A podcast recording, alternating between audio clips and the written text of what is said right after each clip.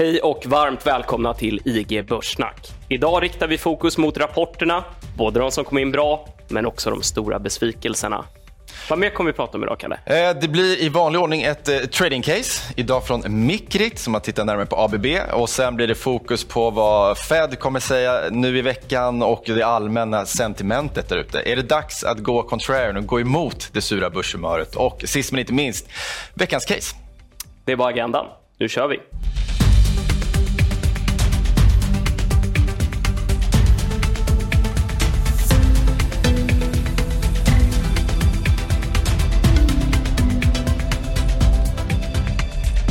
Det här är programmet där vi pratar om börsen och allt som rör de finansiella marknaderna. Vi spelar in dagens avsnitt tisdagen den 31 oktober. Varje vecka så tittar ju vi på en trade från en professionell trader. Innan vi går in på den här veckans trade ska vi återkoppla lite till förra veckan. Där hade vi Eka Lundin som tittade på Rusta och hade en spaning om att den inte skulle gå ner under 45 kronor. Ja, exakt. Även, och det får man ju lov att säga att det kanske inte har varit någon liksom sprudlande trade. Det är ingen som har tjänat massa pengar på den här traden än så länge. Men noterbart är väl ändå att den här 45 kronors nivån, jag fick rita ett rakt streck där. Snyggt. Eh, där har ju köpare kommit in, kanske då framförallt Carnegie som satte Rusta på börsen. Och eh, Det var ju det Ecke hade lite som case, lite som en kudde. Att de kommer ligga och stödköpa där om det nu är så att det finns ett säljtryck. Och man får ändå konstatera att den ligger där vid 45. Den har till och med varit under en sväng. Så vi får se hur mycket de kan motverka eh, kursen framåt. Men eh, alltjämt intressant faktiskt med den här grafen. Att, mm, ja, tittar man på kurvan så ser man att den, eh, den har varit nere där precis på den där nivån. Men mm. Sen har den hållit sig där. Eh, och Det skulle ju kunna ha med de här stödköpen att göra. Och Det räcker ju helt ärligt i det här eh, klimatet för att den ska ha gått bättre än mycket annat. Ja, men så är det. Absolut. Absolut. Så en kudde neråt. Eh, mm. vi ska hoppa vidare till den här veckans nya trade då, som kommer från ingen mindre än Mikrit. Just det. Mikrit han är ju expert på teknisk analys och mm. han har just en sån trade med sig, eller hur? Ja, exakt. Och eh, då är han då tittat på verkstadsjätten ABB. Eh, som ju för övrigt kom med en rapport som var lite sämre än väntat. Det är nog nästan två veckor sedan den kom nu. Eh, så aktien var ner lite grann. Men han menar ju på att aktien befinner sig vid ett ganska intressant stödområde. Ett område där aktien har liksom hittat, ska jag rita här också, den har hittat stöd förut, har tidigare agerat motstånd, nu agerat stöd. Och han menar på att man kanske kan hitta en kortsiktig trade uppåt här mot 200 dagars, som är då den här gula linjen. Så att en ganska liksom tight trade, så, men där man kan, kan göra några procent. Och, så... och vill du bara berätta lite kort, vad, vad, innebär det här med 200 dagars för de som inte riktigt har koll? Ja, det är jättebra att du säger det. Då, då mäter man ju, liksom, ja, men det är som det låter, ett glidande medelvärde. Man räknar ut vad liksom, snittkursen är då de senaste 200 dagarna och då kan det agera någon typ av, liksom, ja, men det är en trendindikator. Man brukar säga att om, om en aktie ligger över sitt 200 dagars, då är det positivt. Trenden är stigande. Ligger man under, då är trenden nedåtgående och dessutom sannolikheten kanske anses högre att den fortsätter gå svagt. Så att, eh, han tror väl liksom att eh, aktiekursen kommer stöta på patrull när den då närmar sig 200 dagars nerifrån upp. Och så får vi se om, om aktien orkar vidare. Men eh, däremellan har han hittat en intressant trade på kort sikt. Ett väldigt vanligt verktyg ska man nämna för de som ägnar sig åt teknisk analys mm. med 200 dagars. Kan bara tillägga det till sist här också att han har ju en stopploss som han lägger eh, strax under det här stödet. Så om det skulle gå åt andra hållet så kanske det inte gör så ont helt enkelt. Ja, rapportsäsongen börjar närma sig sitt slut och vi kommer att gå igenom flera av rapporterna som sticker ut åt det ena eller andra hållet. Men först lite allmän lägesuppdatering från marknaden. Du har ju sonderat terrängen. Hur ser det ut? Ja, men vi kan ju konstatera att vi kommer från eh, rätt tuffa börsveckor nu. Eh, och med det har vi haft många rapporter, de ska vi smälta och så har vi då de här räntorna som gör marknaden orolig. Ja, och dessutom en geopolitisk oro dessutom. Så det har ju varit liksom många saker för börsen att hålla koll på. Kanske varit lite för mycket oro på samma gång. Eh, och jag tycker också att det syns lite grann om man, om man kollar på värderingen på börsen som jag har tagit fram här. Då man ser framåtblickande P tal och Då kan vi bara konstatera att vi befinner oss ju på nivåer. Här är vi nu. Här var det när det var som absolut mörkast förra året, i början på oktober. Det var då vi vände upp med kraft också. Och Den tredje riktigt stora dippen det var i pandemin. Eh, så den kanske man inte ska fokusera jättemycket på. På samma sätt som vi såg hur mycket det studsade upp sen de åren vi hade i spåren av pandemin som var väldigt speciella. Så jag vet inte hur man ska, mycket man ska fokusera på liksom extremerna åt vardera håll. Men det är ändå liksom billigt just nu på börsen generellt. Eh, sen med det sagt ska man komma ihåg också att en, en, en låg värdering behöver inte betyda köpvärt.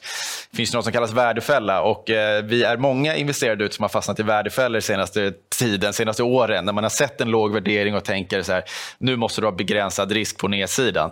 Men det handlar ju också om hur, hur bolaget går. Så att jag menar, om, om vinsten kommer in mycket sämre än väntat, då kan billigt snabbt bli dyrt. Så att, eh, jag ska inte säga att det är en klockren, liksom så här, nu ska du köpa index för att det ser så himla billigt ut. Men det är ändå en indikation på att värderingen har kommit ner lägre risk än vad det har varit eh, tidigare. Så det tycker jag är en liksom, variabel för att man kanske ska våga bli ja, men kanske lite mer positiv. Om vi nu ska hoppas på ett, liksom, en, en, stark avslutning på året. Ja, men när jag ser det här, det är lågt värderade bolag och översålda index.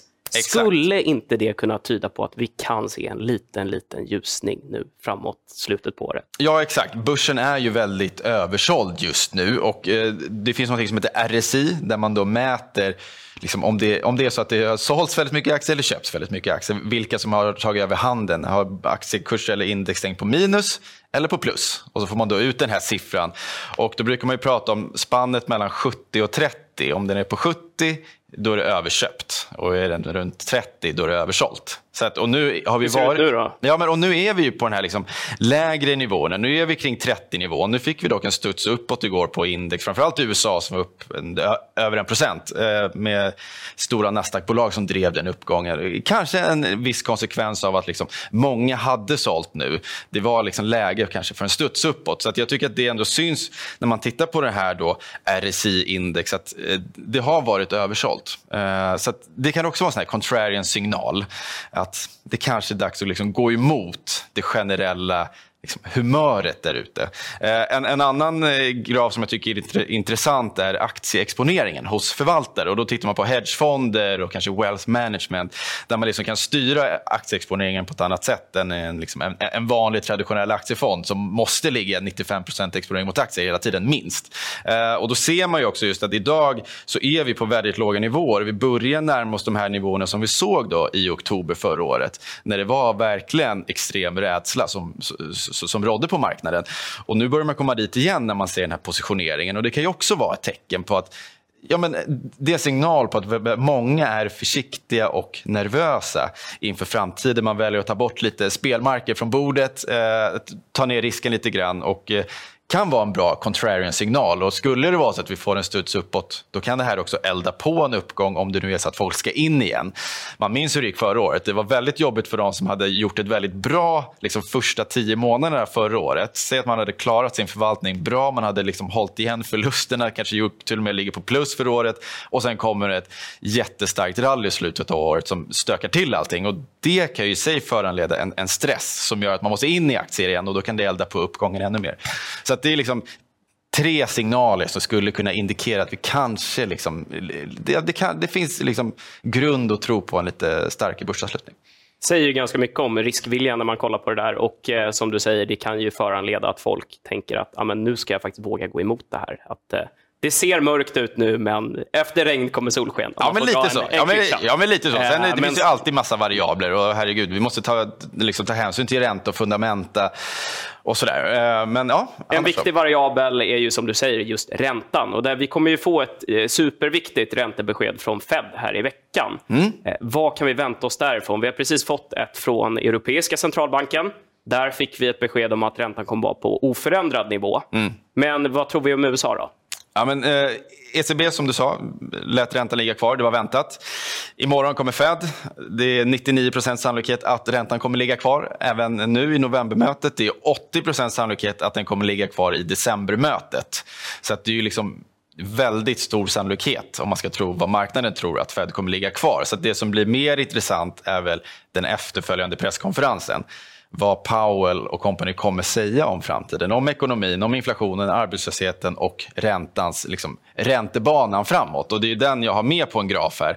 Där man ser just lite grann, här är Reuters som har gjort en marknadsundersökning där man liksom ser att det, det är rätt stor spread mellan de som är mest hökaktiga och de som är mest duvaktiga. Alltså vilka som tror på högre ränta versus lägre ränta. Och så har vi då medel i mitten och det kanske det är väl någonstans där Fed också ligger. Man har ju pratat om en ränta som kommer vara higher for longer och eh, den här medelkurvan visar väl på det också. Att eh, det är väl ändå det marknaden nu på slutet i alla fall har fått ställa in sig på. Man hade ju högre förhoppningar i början på året att eh, räntan kommer sänka snabbare än vad Fed tror men nu börjar man liksom tänka att vi får nog ta tillbaka den där förväntansbilden lite grann. Så det kommer bli det kommer bli intressant och eh, ur ett tradingperspektiv så vet jag att eh, vanligtvis så kan börsen röra sig väldigt mycket när Fed ska prata på den efterföljande presskonferensen efter sitt räntebesked.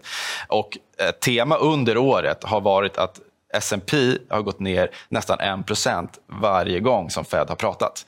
Eh, så det är lite intressant och är väl liksom ett tecken i tiden också med att vi är i en räntehöjningscykel och marknaden har blivit besviken varje gång. För man har hoppats att Powell ska vara lite mjukare och istället så är han liksom stenhård och menar på att vi kommer fortsätta bromsa för att vi måste kyla ner ekonomin. Och som du säger så är det ju främst den här efterföljande kommentaren som får stort utslag på marknaden. Ja. Det kan ju till och med vara ett besked som folk tyckte var förhållandevis bra, men så kommer det en kommentar som vittnar om att ja, men det kanske blir higher for longer nu, ja. eh, fortsatt. Ja, men verkligen. Man väger alla Powells ord på, på guldvåg. Men eh, många tror ju då som sagt på att eh, räntan kommer behöva vara hög länge. Men mm. hur många är det egentligen som tror att vi kommer se en sänkning snart? Eh, där var ju eh, Christine Lagarde i ECB var ju väldigt negativ, eller hon bara fnös åt frågan. Mm. Vad tror vi? Eh, nej, men marknaden, och det här diffar ju beroende på om du tittar Riksbanken, ECB eller Fed. Eh, men det är, det är det här som är så himla svårt. Alltså, prognosmakarna har haft fel i två års tid egentligen med vad man ska tro om inflation, arbetslöshet och ränta. Eh, inklusive centralbankerna. Så det är klart att det, det, är svårt att ge sig på någon typ av gissning här. Men, eh, och, och också dessutom, om vi nu ska få räntesänkningar hur illa ska ekonomin se ut då egentligen? Vill vi se räntesänkningar så snart? Alltså hur, hur, illa ska det se ut? Vi vet att räntehöjningar brukar leda till att någonting går sönder i finansiella systemet. Är det det som ska krävas för att räntorna ska sänkas, då kommer börsen vara förmodligen lägre än vad den är idag när man väl börjar sänka räntan. Så jag vet inte vad man ska hoppas på heller riktigt. Eh, så det är en här, svår balansgång. Vi får arbetslöshetssiffror från USA på fredag. Det är också en svår siffra. Vad ska vi hoppas på? Vill vi se en fortsatt stark ekonomi eller vill vi se något typ mittemellan-siffra? Så det är lite svagt, tillräckligt svagt för att Fed ska bli nöjd men tillräckligt starkt ändå för marknaden ska känna att vi inte har någon hårdlandning framför oss i ekonomin.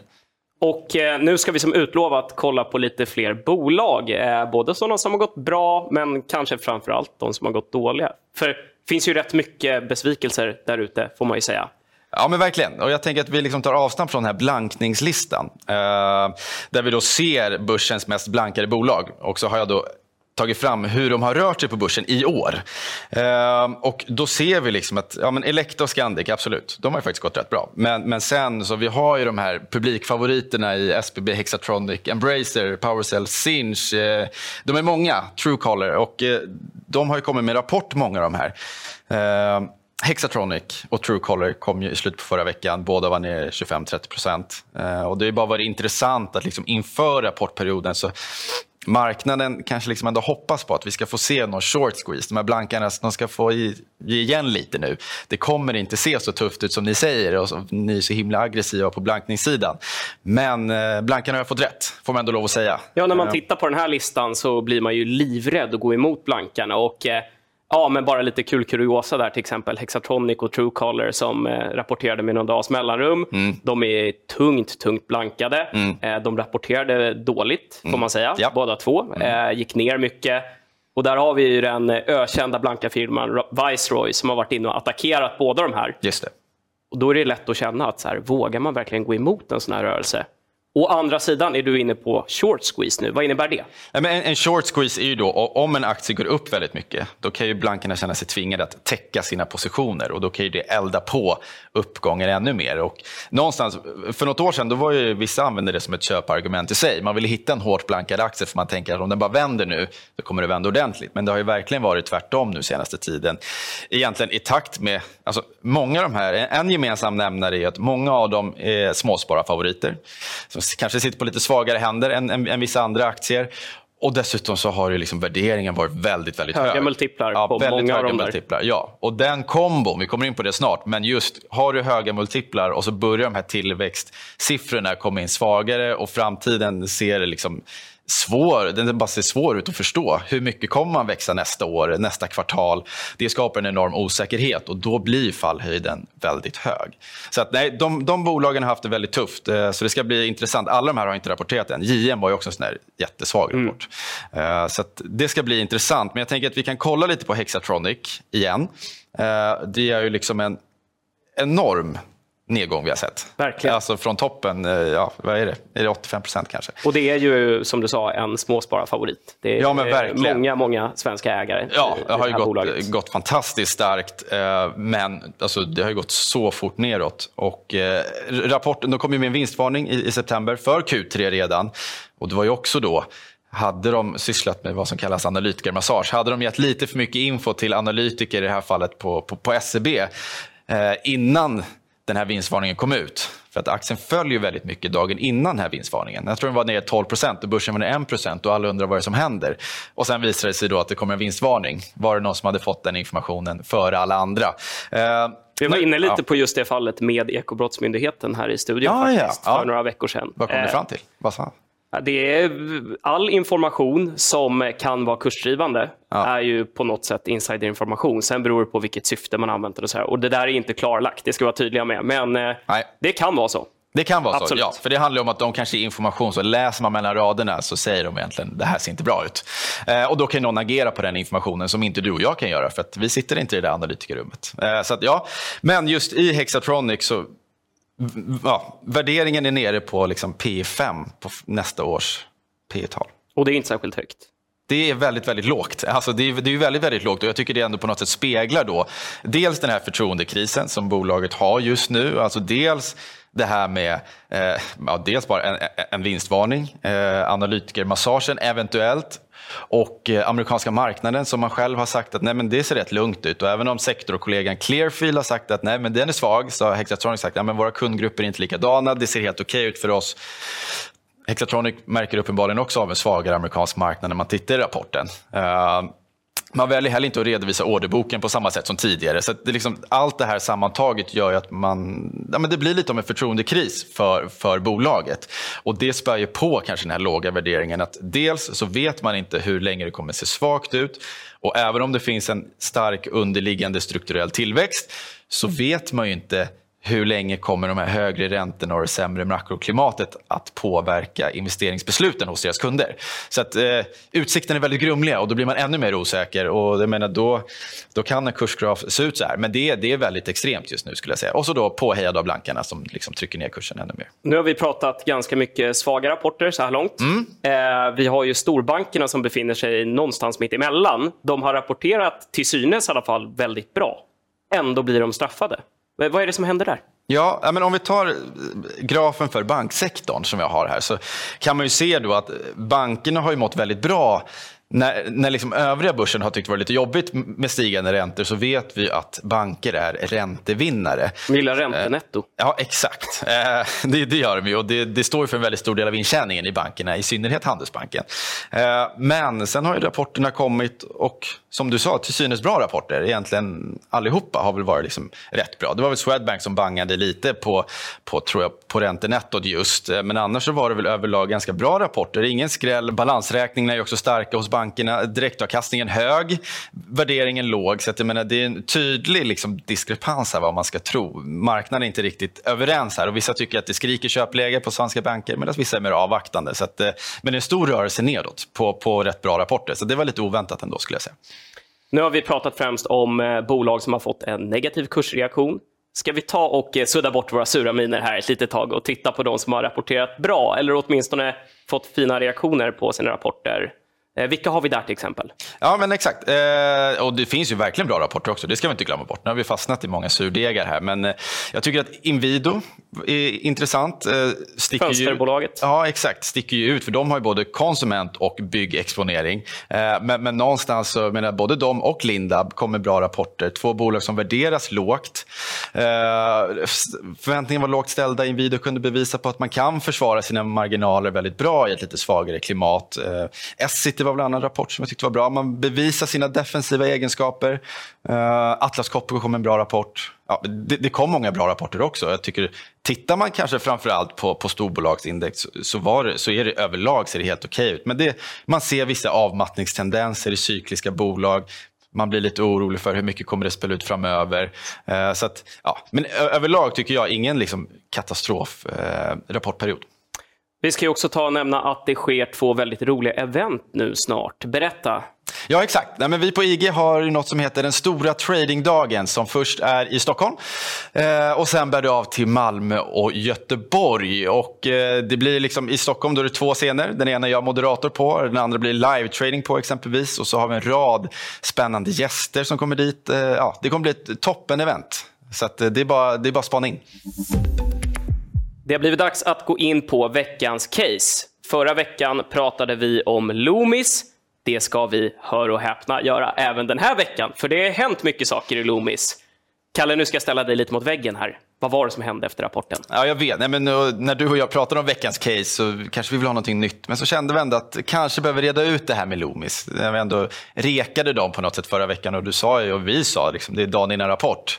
Kanske lite vanskligt. Och, och sen kom rapporten och aktien var ner alltså 12-13 procent. Det var rätt kraftigt.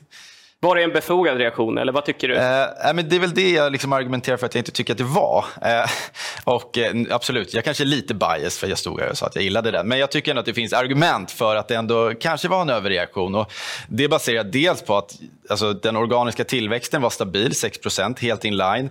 Ebit, alltså rörelseresultatet, var 8% sämre än väntat. Absolut, det är det är inte bra, men där störde också liksom lite engångsposter. Det var en ganska speciell engångspost får man säga. Vad var det, en internationell eh, miljonstöld? Ja, exakt. Det var en stöld av värdesaker på ett värde av 61 miljoner kronor som liksom belastade resultatet. Eh, det var också systemimplementation implementation, det är dagens svåraste ord, eh, som också kostade, jag tror det var nästan 20 miljoner. Så att, eh, om man ska vara lite positiv, om man, om, om man för, bak, för tillbaka de här kostnaderna så, så hoppar ju marginalen upp en procentenhet och det kanske inte ser så illa ut. Och, eh, någonstans tycker jag att man kan tolka rapporten som att bolaget navigerar rätt bra i den här skakiga makroinflationsmiljön. Tillväxten stöttas av både volym och pris och man har en produktmix som förbättras där affärsbenet SafePoint som är den höglönsamma som dessutom medför återkommande intäkter, det gillar man. Den delen växer väldigt bra i både USA och Europa, kanske framförallt i USA. Så det var ju positivt. Eh, och sen så tycker jag att jag ska inte säga att det är någon universal sanning, men, men någonstans så tenderar ju vinstrevideringar och aktiekurserna att hänga ihop lite grann. Så att om det nu är så att vinstrevideringar, det är alltså hur analytikerna justerar upp eller ner sina vinstprognoser. Eh, och då kan man tänka, alltså vi har sett vissa stora rapportplumpar som har gjort att aktieanalytikerna har justerat ner sina prognoser väldigt kraftigt. Eh, det har man inte sett i Loomis fall, så det tycker jag ändå är något positivt. Så att om man då går in och tittar vad de har gjort så justerar man ner vinsten med 1 för 2023, ingen dramatik. Eh, för Q4 så justerar man upp vinsten med 4% och ebit med 8% Och tittar man i 2024 så justerar man upp vinsterna 4% till.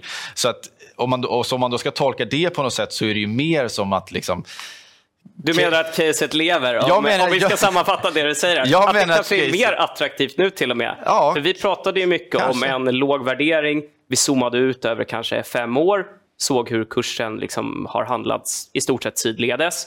Men eh, att man samtidigt kunde se att de gör fina vinster. Prata också om eh, BNP i världen ökar och att folk faktiskt använder mer kontanter. Mm. Och nu helt plötsligt är ju aktien ner drygt 10% sen rapport. Ja, men exakt. men jag tycker liksom att den, den, den kombinationen som man då ser i, i, i de här kursgraferna, så det är ju en himla diskrepans mellan hur vinsten har rört sig och aktiekursen har rört sig. Och då kan jag tycka att det kanske är lite av en överreaktion. Man kom in med den här rapporten på en svag börsdag. Ja, och marknaden kanske var, blev lite för snabbt besviken. Å andra sidan har det gått en vecka nu och aktien har inte rört sig så mycket. Så det, eh, det, kanske, det kan ju verkligen vara så att det är jag som har fel här. Men generellt så tycker jag att om vinsterna rör sig uppåt och aktiekursen går ner, då känner jag mig i alla fall lugnare med att äga en sån aktie. Och jag menar, de, de fina attributen finns ju kvar. Jag tycker verkligen att det är ett kvalitetsbolag. Det är en defensiv, kassagenererande affärsmodell, marknadsledande position, en begränsad finansiell risk och nu liksom till ännu lägre värdering. Så att jag tycker ju liksom att ja, förvärv ska vi också ta med i den här, i den här eh, analysen. Eh, dela ut mycket pengar. Så ja, Jag tycker att aktien känns attraktiv trots eh, den här sura rapporten, eller det sura rapportmottagandet. Så tycker jag det var, det var lite hårt. Att, nej, jag, Men samtidigt så du braskade ju ändå för att rapporten skulle komma. Eh, så även jag. Och jag tycker att du, du har försvarat ditt case med bravur här. Tycker ja, jag. Det, ja, det gjorde du bra. Men just när vi är inne på det här caset och sura rapportreaktioner så kanske det är läge att eh, upplysa om att all trading är förenad med risk, eller hur? Ja, men exakt. Och man ska ju ta det här programmet som, som inspiration mer än någonting annat. Vi ska också passa på att tacka för den här veckan. Vi är tillbaka nästa